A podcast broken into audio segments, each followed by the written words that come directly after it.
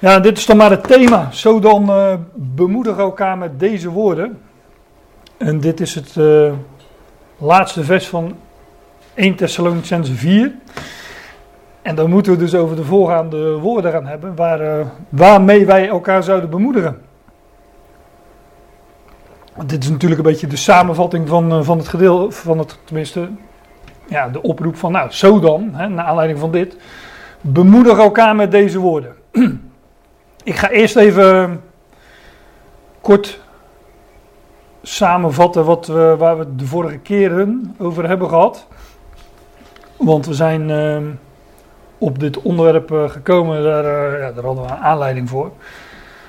We hadden twee weken geleden over ehm, Filippenzen. Daar staat eh, dat wij onze redder uit de hemelen verwachten. Dat is niet Filippenzen 1, maar Filippenzen 3, zie ik. Dus uh, uh, in Filippenzen 3 wordt gesproken dat wij onze redder uit de hemelen verwachten. Onze redder is nu in de hemelen. En uh, ja, daaruit verwachten wij hem. Goedemorgen. Ik dacht dat het kwart over tien begon, joh. Sorry. Nou, dan ben je op tijd. ben ook, ik ben ook nog. Pardon, ik ben ook nog maar net begonnen. Dus. Wij verwachten onze redder uit de hemelen. Stond in uh, Filippenzen 3 en ik ben consequent geweest in mijn fout, want dit is ook allemaal Filippenzen 3 wat er volgt. En ik heb Filippenzen 1 neergezet, dus dat verander ik nog wel als ik er erg in heb. Wij verwachten onze redder uit de hemelen, die het lichaam van onze vernedering, ons vernederd lichaam, een ander aanzien zal geven. Oftewel, hij zal ons lichaam veranderen, transformeren. En daar, daar wachten wij op, op onze redder uit de hemel die dat gaat doen. En hoe, hoe gaat dat lichaam eruit zien dan? Nou, gelijkvormig aan zijn verheerlijk lichaam. Of het lichaam, hier weer een fout, of het lichaam van zijn heerlijkheid. Ik hoop niet dat elke dia dat ik daar zoveel uh, bij moet aangeven dat ik dat verkeerd heb gedaan. Nee, nee. Wel bier, maar dat was 0.0. Dus, uh. en uh, we hebben het over 1 Korinthe 15 gehad, dat was vorige week. Waar staat dat de doden onvergankelijk opgewekt zullen worden. En dat wij, en daarmee uh, Paulus op degene die levend overblijven, dat wij zullen veranderd worden. Nou, daar staat dus eigenlijk hetzelfde. Hè. Wij zullen veranderd worden. Ja, ons li vernederd lichaam zal een ander aanzien worden gegeven. Het wordt namelijk verheerlijkt. Dit, dit vergankelijke moet onvergankelijkheid aantrekken, hè, als, als een kledingstuk. En dit sterfelijke moet onsterfelijkheid aantrekken. Ook 1 Korinthe 15. En dan zal er uh, geschieden wat, uh, wat eerder geschreven stond in het Oude Testament dat de dood wordt verzwolgen of verslonden in de overwinning. Oftewel, vergankelijkheid wordt onvergankelijkheid en dat gebeurt in een, uh, hoe stond dat er in 1 Korinthe 15, in een oogwenk, in het knipperen van een oog. Dus uh, in een uh, ondeelbaar ogenblik, een atomos. Nou, dat was dus kort samengevat, de, de, de, de boodschap, de inhoud van de, de laatste twee uh, Bijbelstudies hier. Uh, we gaan naar 1 Thessalonicensen 4, maar eerst wil ik even gaan naar 1 Thessalonicensen 1. Want ik las de brief eens even in zijn geheel door. Um, want ja, als je in 1 Thessalonicensen 4 aankomt, dan uh, heb je al drie hoofdstukken gehad. En toen las ik in 1 Thessalonicense 1 iets wat ook uh, zeker met ons onderwerp te maken heeft. Dat ga ik nu niet volledig uitdiepen, maar ik breng het wel even voor het voetlicht. Zodat ik daar later, wellicht volgende week of uh, volgende weken, nog eens op, uh, op terug kan komen. Want daar staat iets soortgelijks als, als in Filippenzen 3, althans, daar, daar vangt het mee aan. Want daar staat dat wij dat, wij, of de Thessalonicenzen, die worden hier aangeschreven, uit de hemelen zijn zoon te verwachten. Paulus zegt tegen die Thessalonicenzen, jullie hebben je afgekeerd van de afgoden en gekeerd, hè, je gericht op de levende God. En, eh, en ze verwachten zijn zoon uit de hemelen. Letterlijk staat er iets als opwachten. Ze wachten op of ze zijn wachtende, hoe je het ook wilt zeggen. Ze, ze zijn hem aan het opwachten. Uit de hemelen zijn zoon te wachten. Zo stond het ook in, uh, in Filippenzen 3. Onze redder staat daar. Dat we onze redder uit de hemelen verwachten. Hier staat dat we zijn zoon uit de hemelen verwachten. Die hij uit de doden opwekte. Jezus.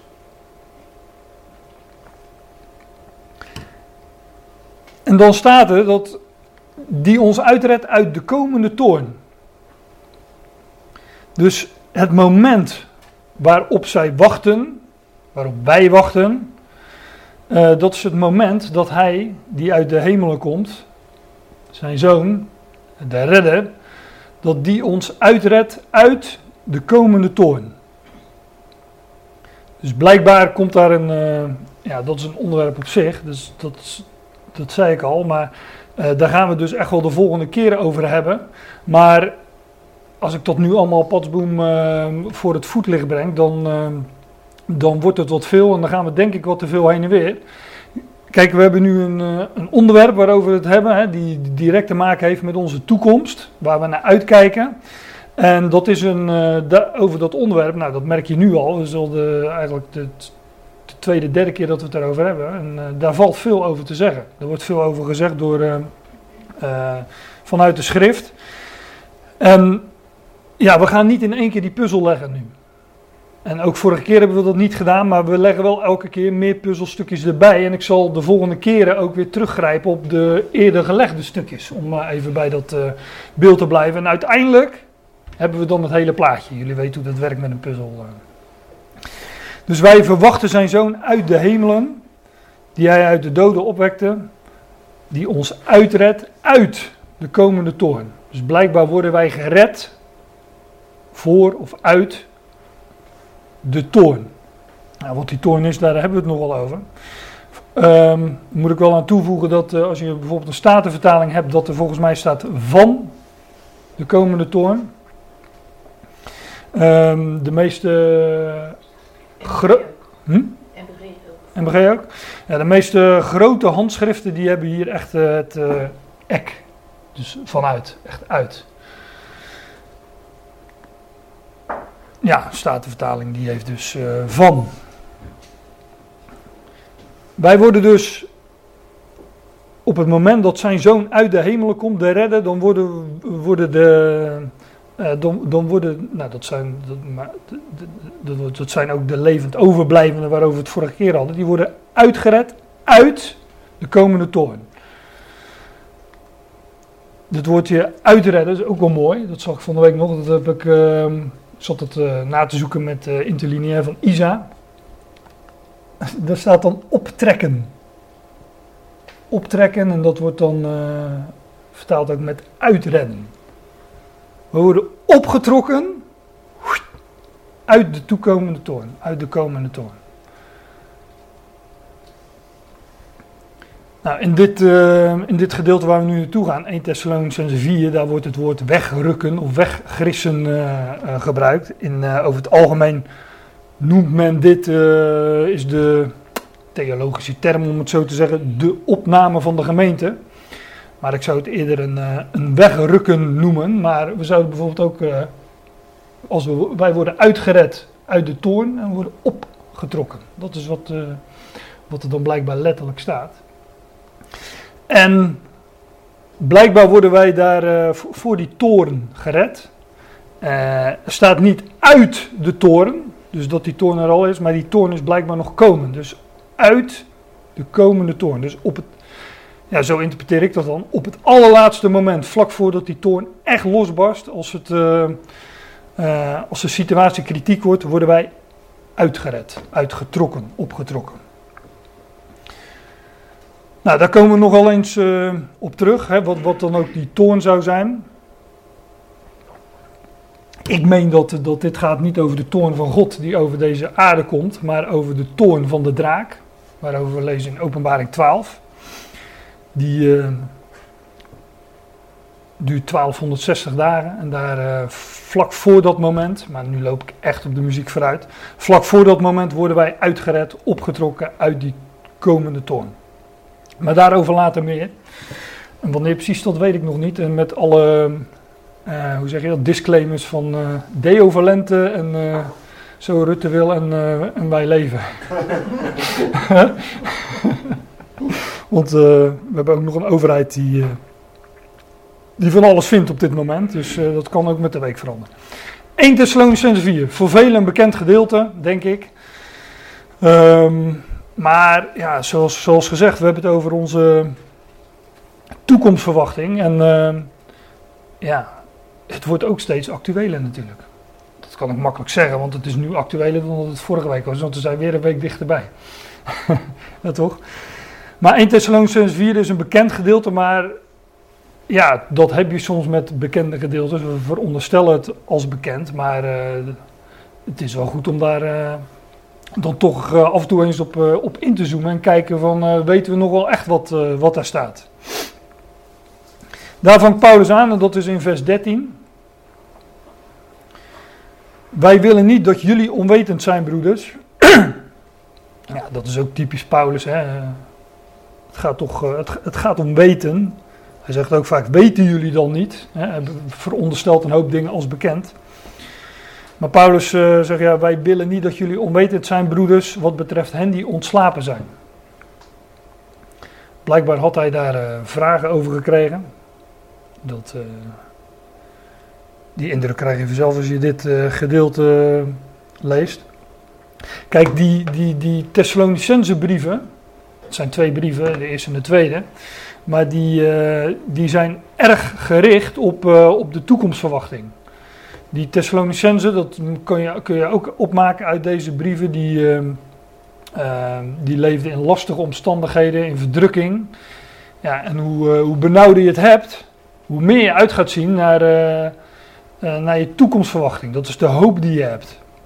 En ze hadden blijkbaar aan Paulus gevraagd van ja, maar als, als de Heer terugkomt,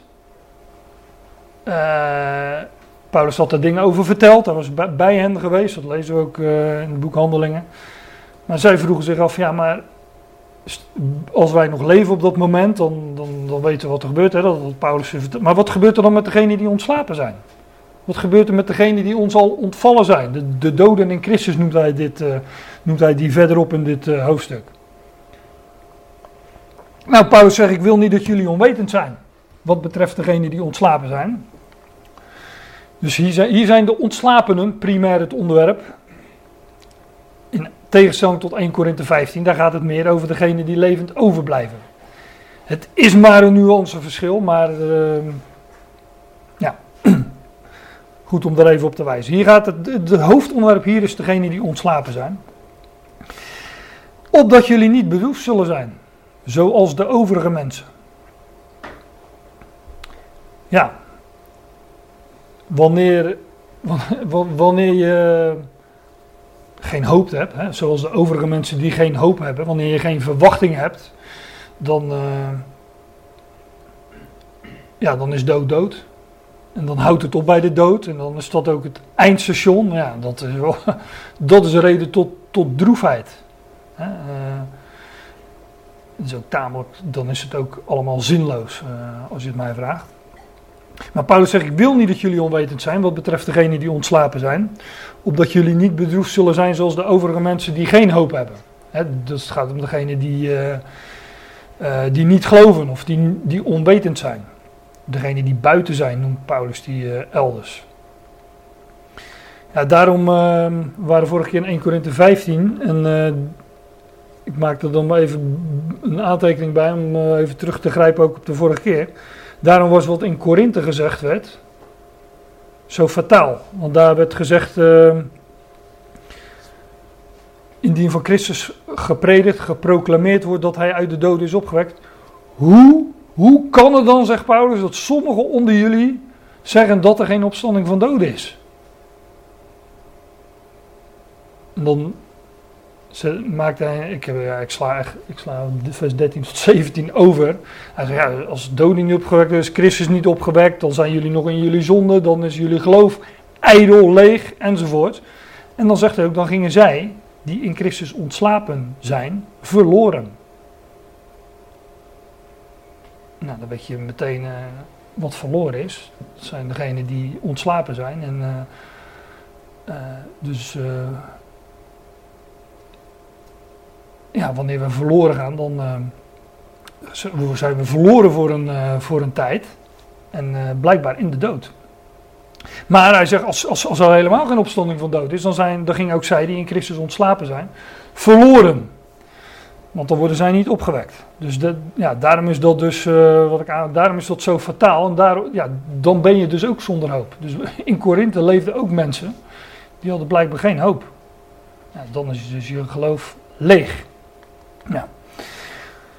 Dan zegt Paulus in het volgende vers, want indien wij geloven dat Jezus stierf en opstond, en in, in Korinthe 15 leg, zet hij uiteen van ja, dat is juist het evangelie. Christus stierf en uh, hij werd begraven en hij werd opgewekt op de derde dag. En dat was allemaal naar de schriften. Indien wij geloven dat Jezus stierf en opstond, zal God ook zo hen die ontslapen zijn, door Jezus uitleiden samen met hem.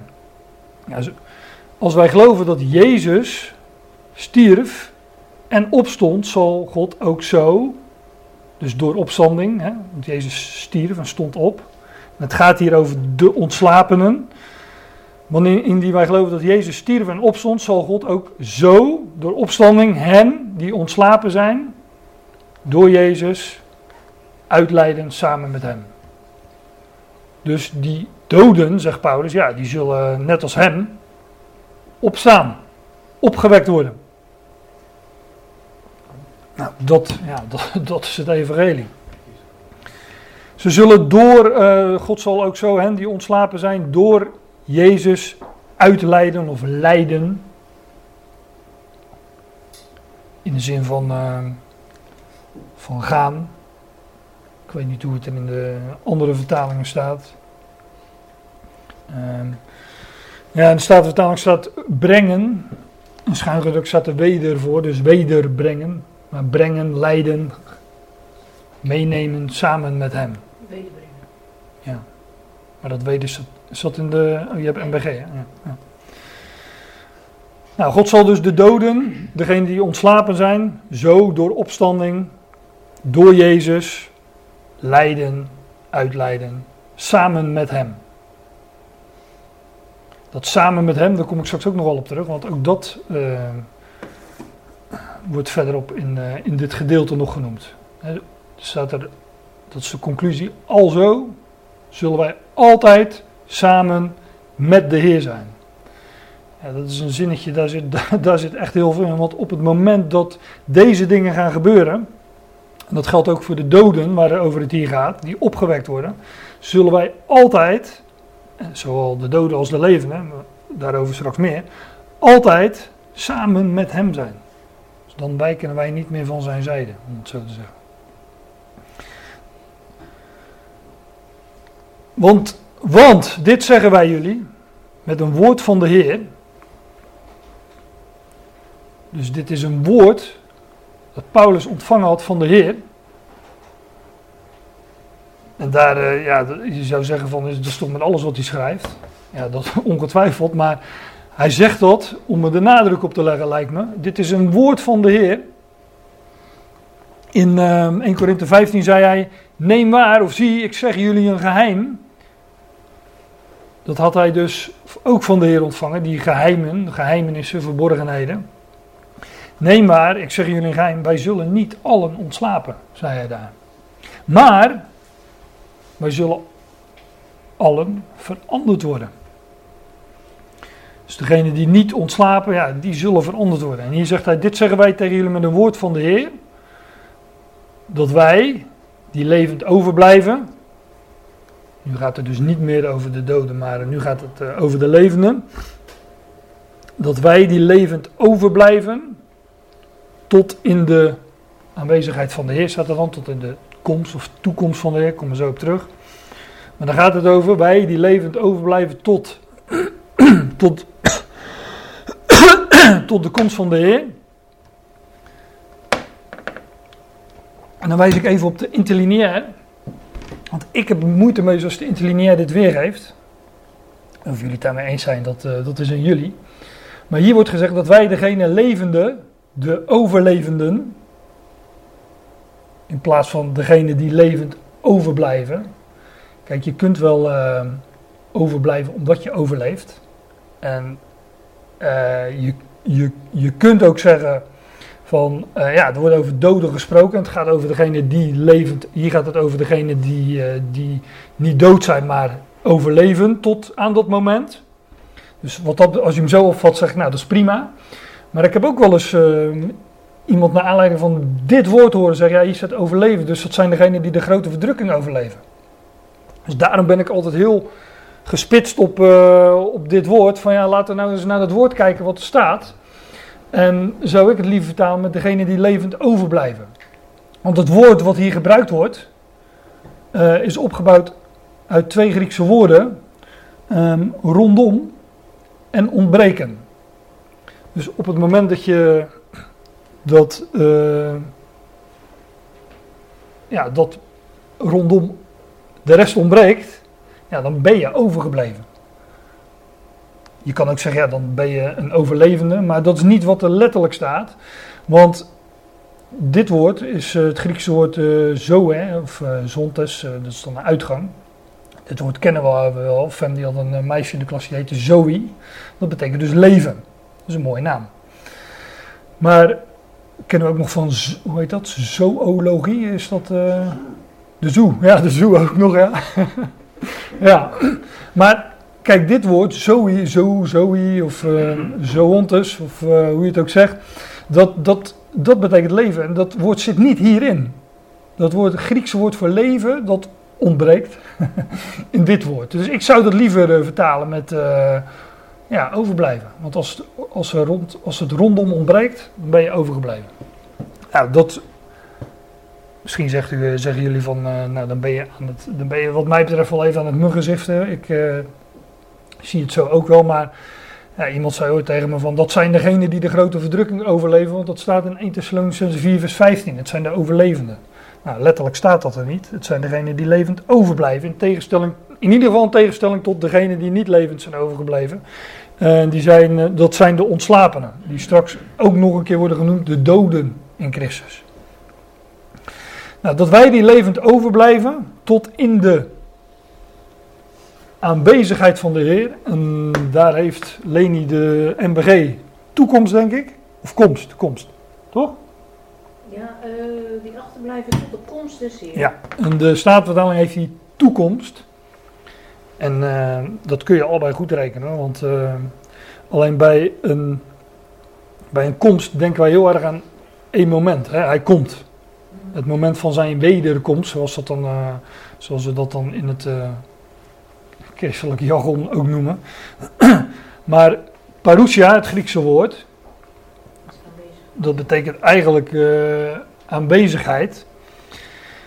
En dat staat echt tegenover apousia, dus afwezigheid. De Heer is nu afwezig en straks zal hij aanwezig zijn, zijn parousia. Maar ook bij zijn eerste komst denken we niet aan uh, het moment dat hij geboren werd in, nou, in, Bethlehem. Maar dat, uh, dat, denken we ook aan uh, de hele periode die in de evangelie beschreven wordt, van zijn geboorte tot aan zijn sterven. Dus komst of toekomst, het, het, is ook nog toekomst, dus dat is ook wel een mooie. Dat, dat kan op zich wel, maar dan moet je daar niet aan één enkel moment denken. Het is echt uh, de aanwezigheid. Dus dan zullen wij, uh, zal hij bij ons aanwezig zijn en wij bij hem. Ja, en die, die, die, die parousia, die zal zich ook, uh, ook uit gaan breiden. Hè? Van, de, van de hemel tot, tot de aarde. dus dat is niet één moment, maar een, ja, een periode, om het zo te zeggen. Dit zeggen wij tegen jullie met een woord van de Heer, dat wij die levend overblijven tot in, staat er letterlijk, tot in de aanwezigheid van de Heer. Dat wij, wij zullen absoluut niet, de, niet degene die ontslapen zijn, inhalen. Dus waar Paulus de gelovigen mee bemoedigd, is van ja, uh, zij, zij vroegen zich af, ja, maar hoe zit dat dan met degenen die ons al ontvallen zijn, die al ontslapen zijn? Hij zegt, nou, wij die levend overblijven tot, tot dat moment, wij zullen degene die ontslapen zijn, zullen wij niet inhalen of uh, nou, niet voorgaan in ieder geval.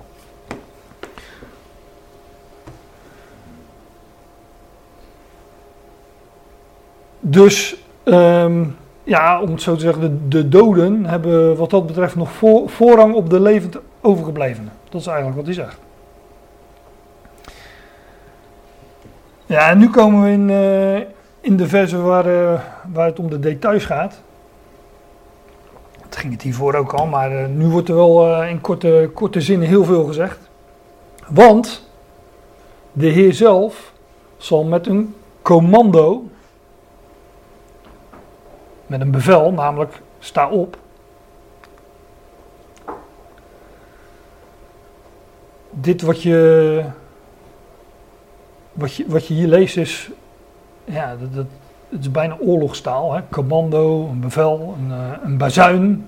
Straks ook nog wel op terug. Ja, maar ze, het moet op oorlog gaan, dus dan gaat het zo. ja, maar het is, het is ook een, um, het is ook nog eens een moment maar wat ik net al aangaf, een, uh, van een kritieke situatie.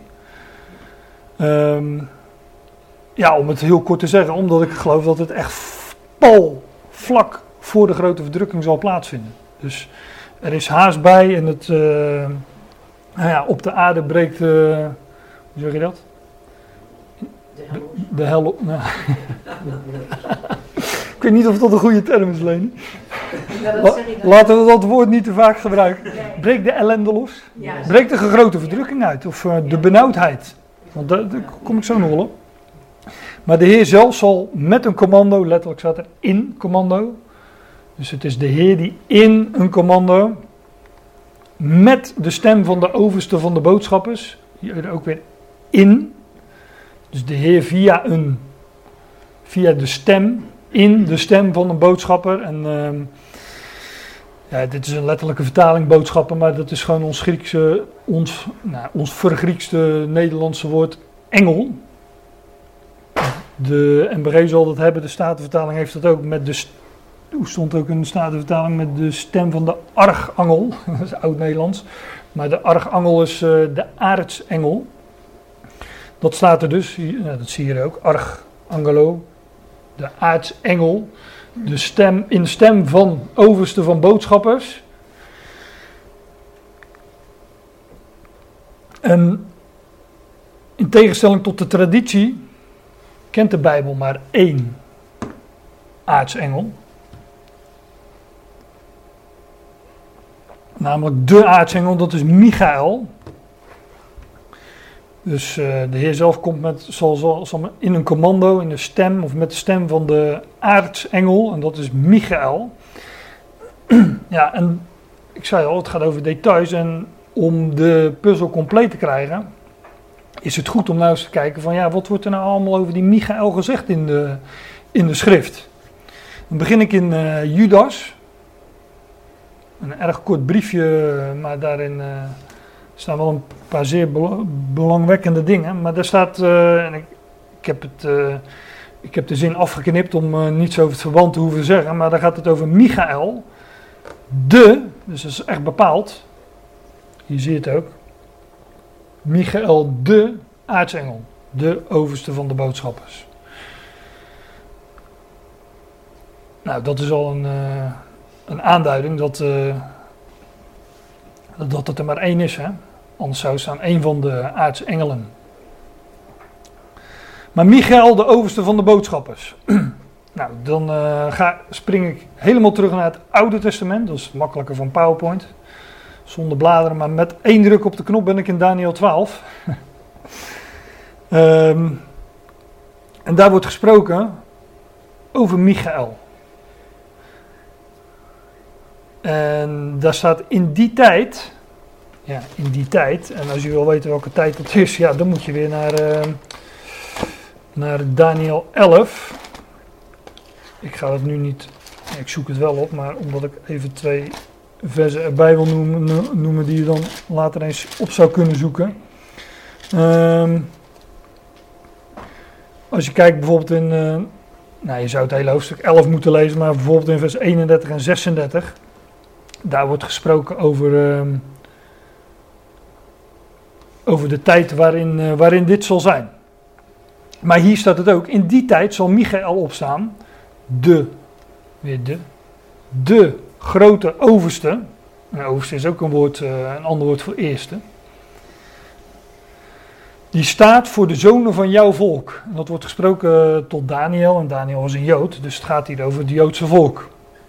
In die tijd zal Michael opstaan, de grote overste, die staat voor de zonen van jouw volk. Uh, en er zal een tijd van benauwdheid zijn, zoals er niet is geweest vanaf dat er naties bestaan, vanaf dat er volken bestaan, tot aan die tijd.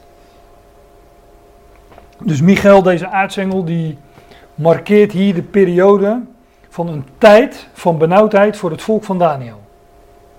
En die tijd uh, van benauwdheid, die wordt elders genoemd in de schrift in Jeremia 30, de tijd van benauwdheid voor Jacob. Jacob is een andere naam voor Israël, dus dan hebben we het over het, over het volk van Israël. Want wee, wee, want groot is die dag zonder weerga. Een tijd van benauwdheid is het voor Jacob. Maar daaruit zal hij gered worden. Hier gaat het dus over een tijd van benauwdheid. Een tijd van benauwdheid voor het volk Israël. En Michael, de aartsengel, markeert die periode. Tenminste in, de, deze schriftplaats. Maar dat is niet de enige hoor. Um, en die tijd van benauwdheid, die wordt genoemd een tijd van benauwdheid. Zoals ze niet geweest is vanaf dat er naties of volkeren bestaan. Tot aan die tijd. Er is dus moet je je voorstellen dat er een, een, een, een tijd van benauwdheid en van verdrukking voor het volk van Israël wordt aangekondigd, die nu nog toekomst is, maar die is ze niet zoals ze niet geweest is tot op die tijd. Dus alles wat nu al in het verleden gebeurd is, ook met het Joodse volk, ja, dat valt. In, niet. Nou, in het niet wil ik niet zeggen, maar dat is in ieder geval minder dan wat er nog komen gaat. Dus dat moet echt verschrikkelijk zijn. En hier staat dan ook in Matthäus 24, want dat is, daar spreekt de Heer Jezus zijn uh, reden over de laatste dingen uit, zo wordt dat genoemd. Hij zegt, want dan zal er grote verdrukking zijn.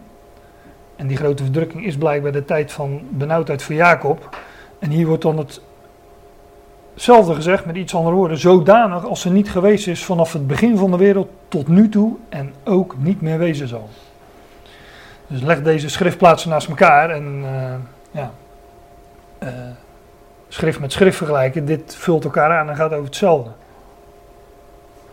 En die tijd van grote verdrukking, die wordt dus gemarkeerd door de aartsengel Michael. Ja, dan, uh, maar in die tijd zal jouw volk ontsnappen. Nou, daar, dat laat ik even wat er is. Daar gaan we het misschien daar gaan we het eh, denk ik te zijn tijd ook nog wel over hebben. Maar er zal een, eh, een, een, ontsnappingsmogelijkheid zijn. Naar de woestijn, naar een plek door God bereid in de woestijn.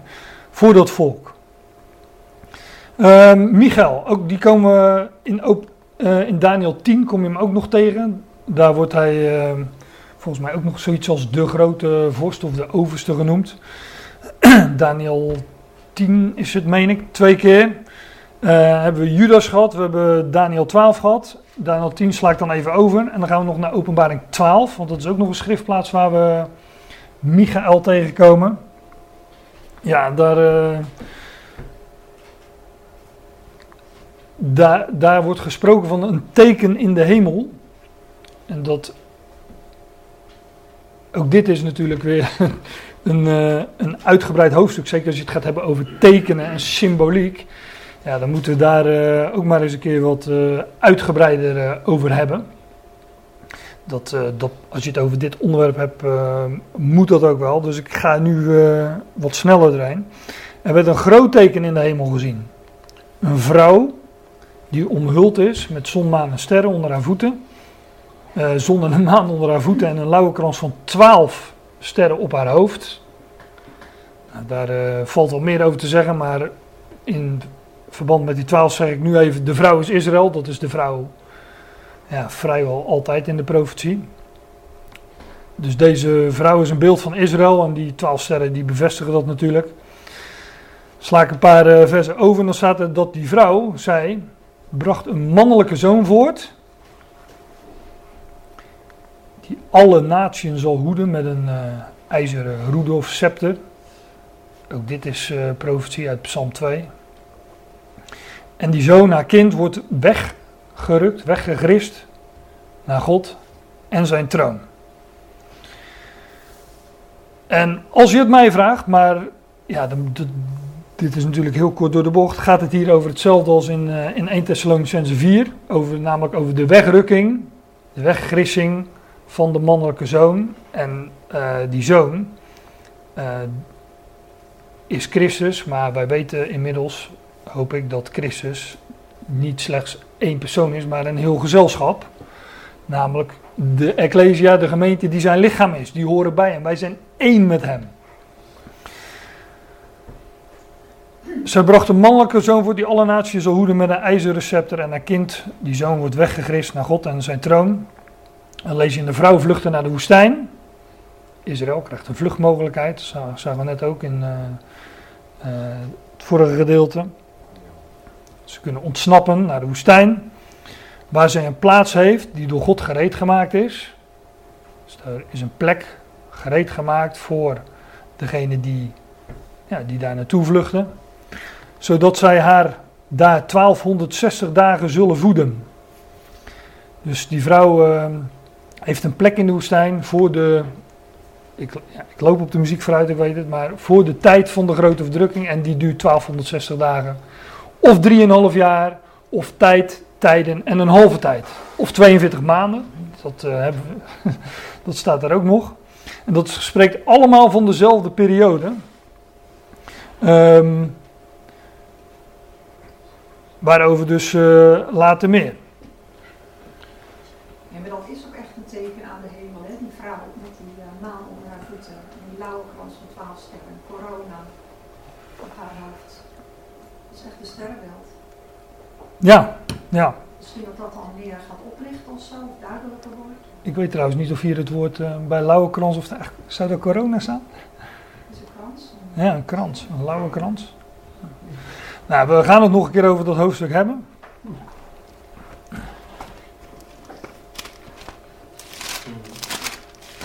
Even.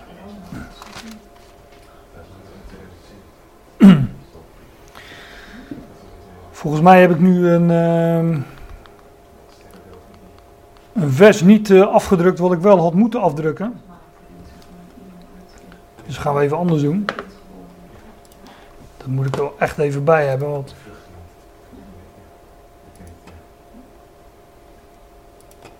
Ik vraag me af of het dan toch 0.0 in dat flesje zat, uh, Daniel.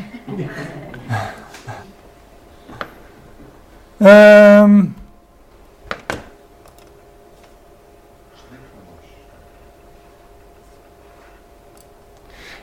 Want ik heb, uh, ik heb, ik had het als laatste vers,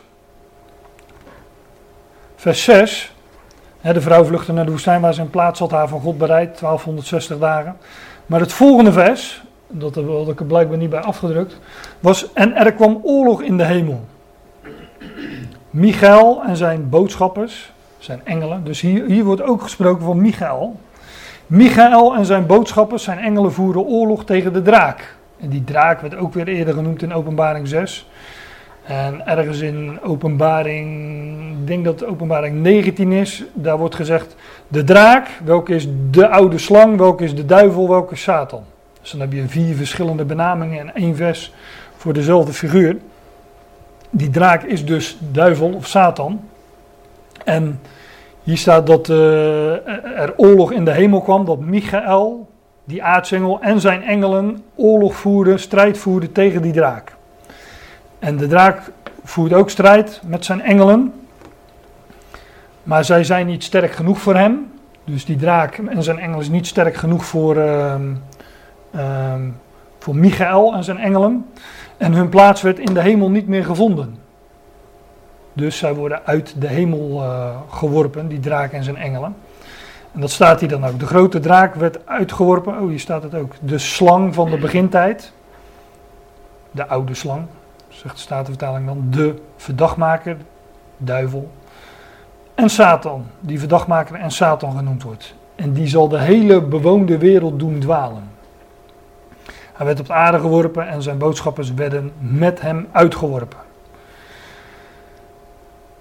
Dus ook hier wordt, uh, wordt die Michael genoemd.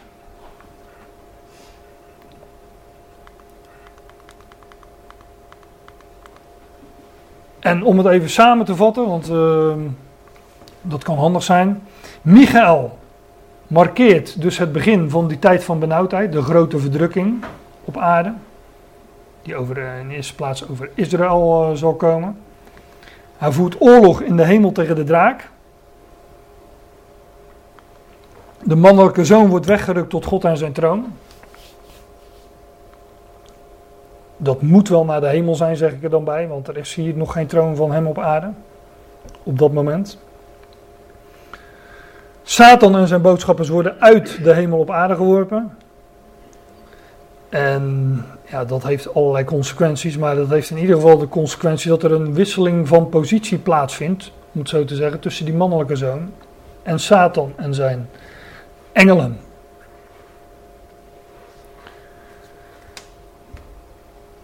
En nu gaan we terug naar 1 Thessalonicense 4. Ja, ik zei, als je, als je gaat puzzelen, dan, uh, dan leg je niet in één keer de puzzel.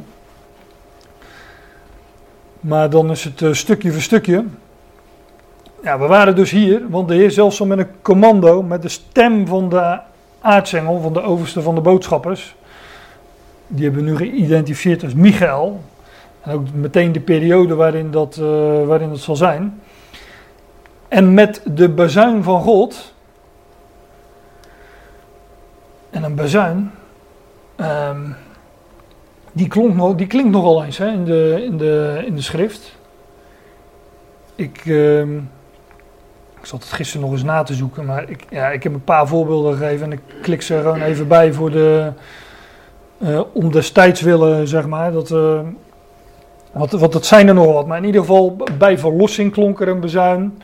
Uh, na, toen God zijn woorden, zijn tien woorden openbaarde, klonk de bezuin. Maar toen was er ook donder, bliksem en ja, uh, donkerheid, don, don, don, donkerheid, donder en bliksem.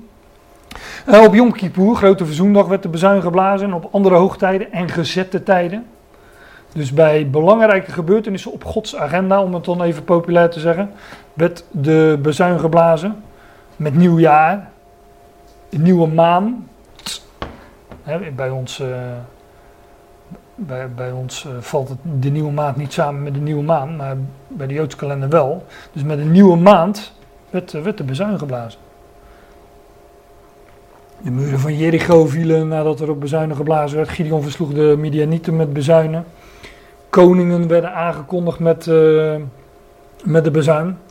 Ik, uh, ik, ga het allemaal niet toelichten, maar ik hoop dat jullie wel zien dat het allemaal wat uh, dubbelzinnige zaken zijn, die natuurlijk ook een, een typologische betekenis hebben.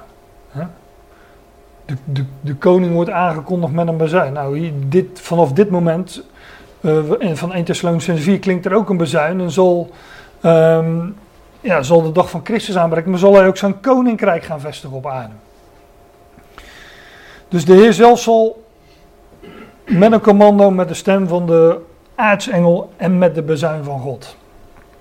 En uh, ik heb vanmorgen nog even gekeken, maar ik geloof dat ik uh, in, in, de schrift wel iets van 80 plaatsen had waar gesproken werd over een bezuin. Dus uh, pak een concordantie. Ik had het gewoon op statenvertaling had ik het woord bezuin en bezuinen ingetikt.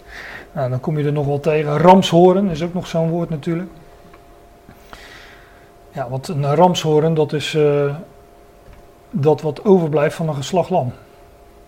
Is ook weer een beeld van opstanding. Het lam is geslacht, maar er wordt, uh, hij, hij, brengt nog wel geluid voort. Hij spreekt wel.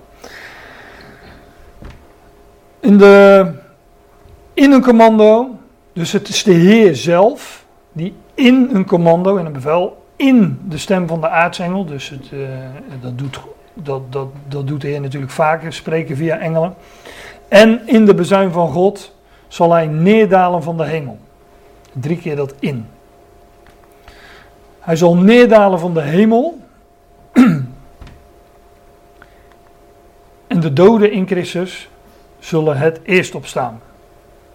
We hebben dus over het moment van zijn parousia, wat in de MBG verteld wordt met komst, staat er aan toekomst en wat uh, in het christelijk jargon wordt uh, genoemd zijn wederkomst. Maar in ieder geval zijn komst, zijn aanwezigheid. Op dat moment, wanneer dan zal, ja, dan, dan zal er een, um, een aartsengel, via een aartsengel een bevel klinken, sta op. En dan zullen de doden in Christus eerst opstaan. En dan zal ook, ja, dan zal er, ik, ik, ik, ik heb me de laatste tijd vaak voorgesteld van ja, dan, gaan, dan gaan wij dus een bezuin horen op dat moment. Dat is toch best uh, een aparte ervaring lijkt me. Maar horen wij die dan alleen of hoort iedereen die bezuin? Of, nou ja, dat zijn, horen wij hem juist niet? Nou, ik denk dat wij hem wel horen. Ja, lijkt me wel. En hoe ver van tevoren horen we dat dan? Het moet toch ook wel voor iedereen duidelijk zijn wat er gebeurt, lijkt mij. Ja, ja. Misschien hoort iedereen hem wel. Ja, dat zou kunnen, ja. Ik weet het niet.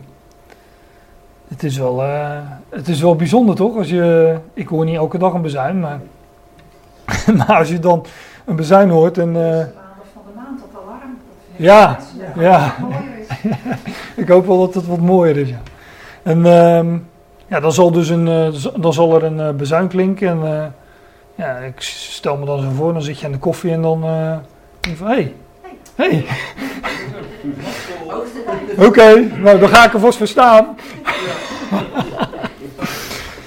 Daniel. Ja, daar is een liedje van. Ja. Als iedereen het wordt, is het echt een, een wereld-event. En je ziet ook iedereen wat er gebeurt. Ja, ja. Dat is ook niet echt Ja, ja. Nou ja. Maar het, uh, ja, dat wordt hier zo beschreven. Maar in ieder geval, de Heer via een aartsengel met, met, met, met, uh, met, in een bevel, en een bezuin van God. En dan, zal tegen de, ja, dan zullen de, de, tegen die, er zal geroepen worden, sta op. En uh, net zoals tegen Lazarus. En de doden in Christus zullen het eerst opstaan. Ja, hij doet het weer. Nee, dat was geen bezuin met piepje dat de batterij leeg was.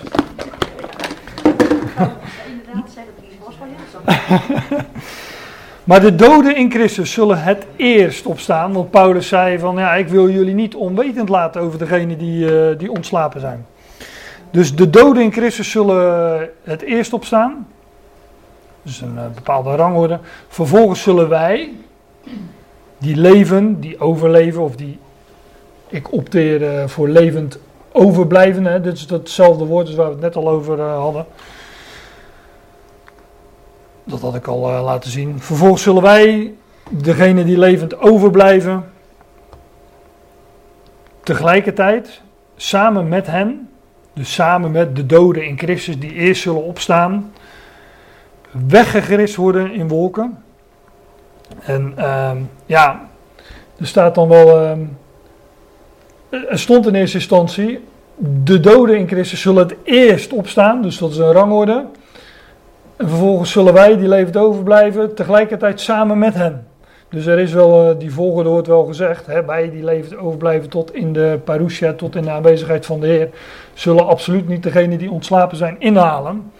Dat wordt wel gezegd, maar uiteindelijk wordt er toch, uh, is er toch een samengaan.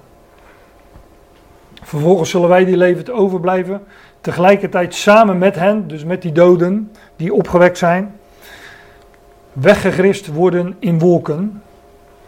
En uh, ja, dus de doden, zullen, nou ja, de doden zullen eerst opstaan. En vervolgens wij die levend overblijven, zoals Paulus dat zegt in 1 Korinthe 15, zullen veranderd worden. We zullen in, in, een, in het knipperen van een oog, in een oogwenk van, onvergankelijke, van, van vergankelijkheid naar onvergankelijkheid gaan. Want dit sterfelijke moet onsterfelijkheid aandoen. Dus dat zal uh, inderdaad in, het, uh, in een atomos, in een ondeelbaar ogenblik gebeuren. En wij die levend overblijven zullen tegelijkertijd met hen, met de doden, met de ontslapenen, weggegrist, weggerukt worden in wolken tot een ontmoeting van de Heer in de lucht. Ja, en of dit nou, uh, of het, of nou die dag bewolkt is, dat is ook altijd plaatselijk natuurlijk, dus dat, dat is ook nogal uh, subjectief. Maar dat, dat, in, is het nou in de wolken, dus die, die hoe noem je dat? Die atmosferische wolken, of zoals Paulus, de Hebreeën schrijver dat noemt in, in Hebreeën 12, een wolk van getuigen. dat we in, met elkaar als in wolken dat moment beleven. Dat weet ik niet, maar ik geef jullie beide opties. We gaan het zien. We zien het wel, wilde ik net zeggen. Ja. Misschien digitaal. Digitaal? Oh, in de cloud. ja, dat kan ook nog. Dat alleen je, e-mailadres en je Facebook-account en, uh, en dat jij hier blijft of zo. Nee, dat, uh, daar opteer ik niet voor, uh, voor die optie. Nee. We worden weggerukt, weggerist in wolken. Zoals het kind haar kind, die mannelijke zoon, wordt weggegrist naar God en naar zijn troon in openbaring 12. Hetzelfde woord overigens, wat, wat daar gebruikt wordt. En zoals Paulus zei in 1 Korinthe 15, maar wij zullen veranderd worden. Tot een ontmoeting van de Heer in de lucht. Dus ja, ergens daar in de lucht zullen wij hem ontmoeten. Of tegemoet gaan, zeggen andere vertalingen. En uh, toen ik dat van de week las, moest ik aan jou denken, Leni. Want jij zei vorige keer van... Uh, ja, maar tegemoet gaan in de Bijbel is toch dat je... Dat, dat heeft een betekenis. En uh, dus dat heb ik nog even erbij gezocht. In, in Handelingen 28 wordt hetzelfde woord gebruikt.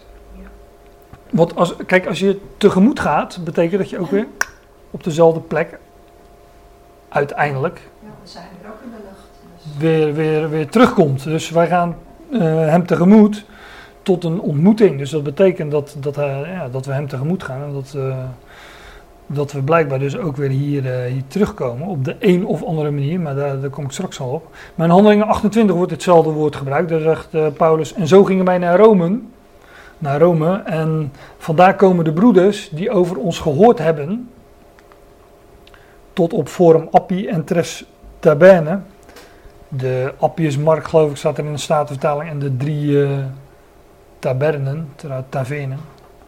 Wat dat is, weet ik natuurlijk niet. Maar uh, café toch? Een taverne of een herberg of uh, zoiets. Om ons te ontmoeten. Daar gaat het me even om. Dus zij, Paulus was op weg naar Rome. En die, die, die, die, die broeders vanuit Rome kwamen hem tegemoet om hem te ontmoeten. Andere vertalingen zeggen tegemoet. Dit woord. En dan staat er, en Paulus ziet hen, neemt hen waar en hij dankt God en hij greep moed. En toen wij Rome binnenkwamen. Dus inderdaad, die, Paulus was op weg naar Rome. Degene uit Rome kwamen hem tegemoet. En ze kwamen met elkaar in Rome aan. Dus dat is uh, inderdaad uh, tegemoet. Dus als er hier in uh, 1 Thessalonians 4 gesproken wordt over tot een ontmoeting, of de Heer tegemoet in de lucht, of tot een ontmoeting van de Heer in de lucht, ja, dan betekent dat dat wij Hem tegemoet gaan en op zeker moment dus ook hier, uh, hier terug zullen komen. En uh, kijk, de, de, ja, dat is natuurlijk het, uh, het grote geheim de grote verborgenheid van deze tijd. De Heer is ontrokken aan het oog. Hij is verborgen. Um, en ons leven is met Christus verborgen in God. Ik, ik haal die woorden vaker aan, maar in Colossense 3 staat zo kort en krachtig over de, eh, de, positie die we nu hebben, die Christus nu heeft en wij in Hem, en die we straks zullen hebben. Indien, er staat, indien jullie dan samen met Christus opgewekt werden, Zoek de dingen die omhoog zijn. als het dan zo is dat je met Christus opgewekt bent, deelt in dat leven, dan is het dus logisch dat je de dingen zoekt die boven zijn. Nou, daarom komen we bij elkaar, daarom zijn we op Hem gericht, op Zijn woord, wat Hij ons te vertellen heeft. Want daar is Christus, waar Christus is, die aan de rechterhand van God is. God zit.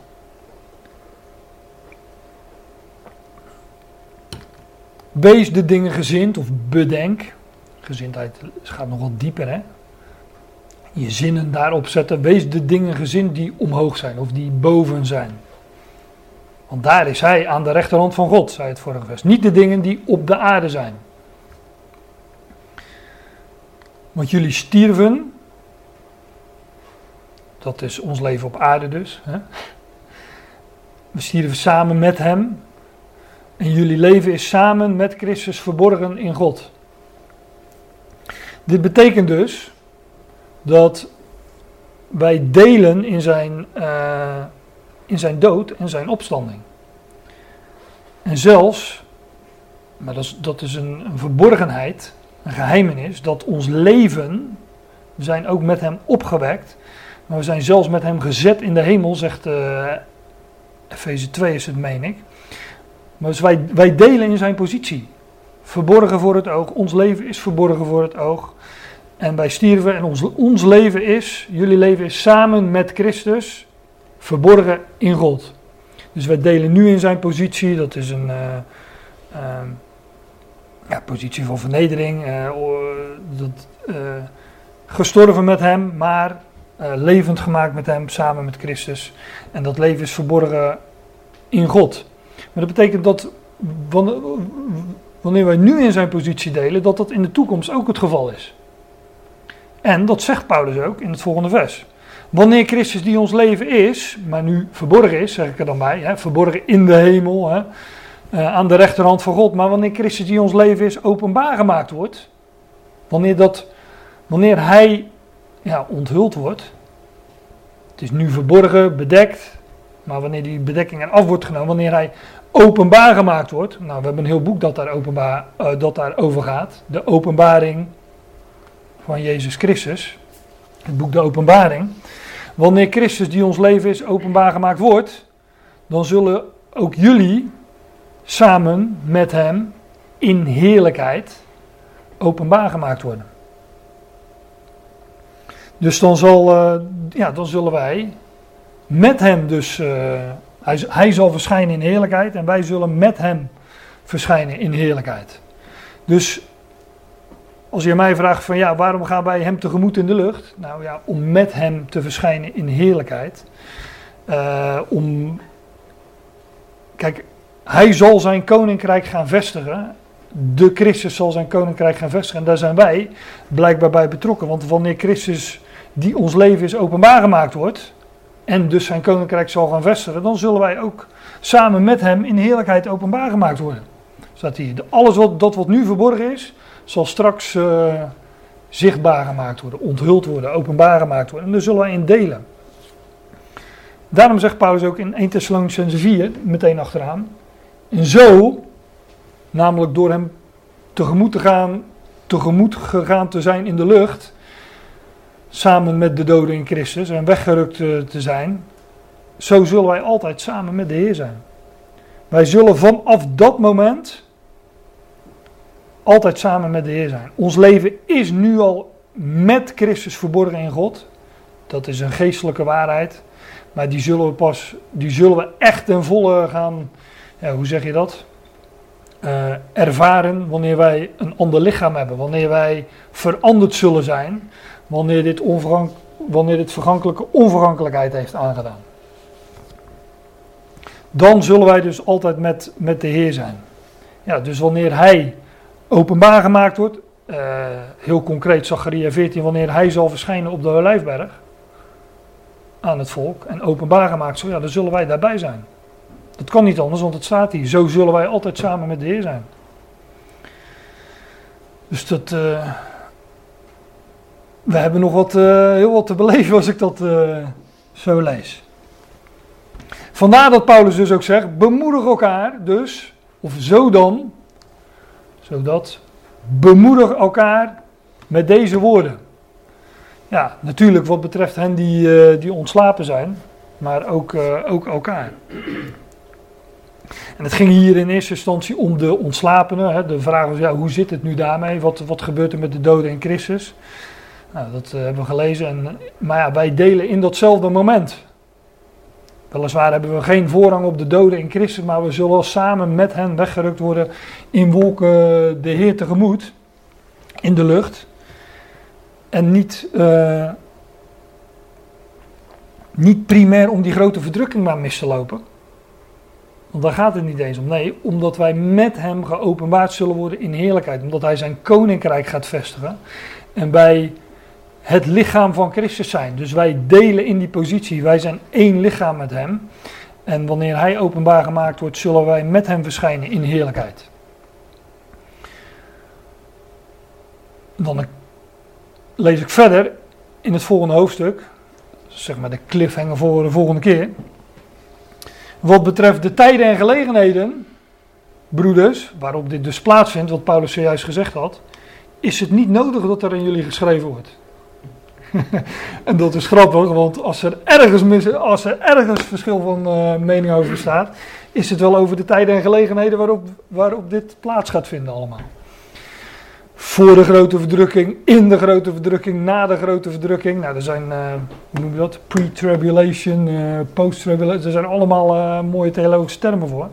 Maar Paulus zegt tegen die Thessalonicenzen, nou wat de tijden en gelegenheden betreft, hoef ik, is het niet nodig dat ik jullie schrijf. maar hij gaat dat overigens uh, nog wel doen. Dus uh, ik wil volgende keer uh, verder gaan in, in dit hoofdstuk. In 1 Thessalonians 5. Het direct volgende op het gedeelte dat we nu besproken hebben. Dus daar laat ik het bij voor nu. Dus jullie hebben, we hebben weer iets te overdenken en te bespreken wellicht. En ik wil eindigen met andere woorden uit 1 Thessalonians 5. Daar staat dank in alles. Want dit is de wil van God in Christus Jezus voor jullie. Er staat ook nog hiervoor bid zonder ophouden. Maar dat wel uh, ja, hem danken. Dank in alles, want dit is de wil van God in Christus Jezus voor jullie. Hier gaan we het bij laten voor nu.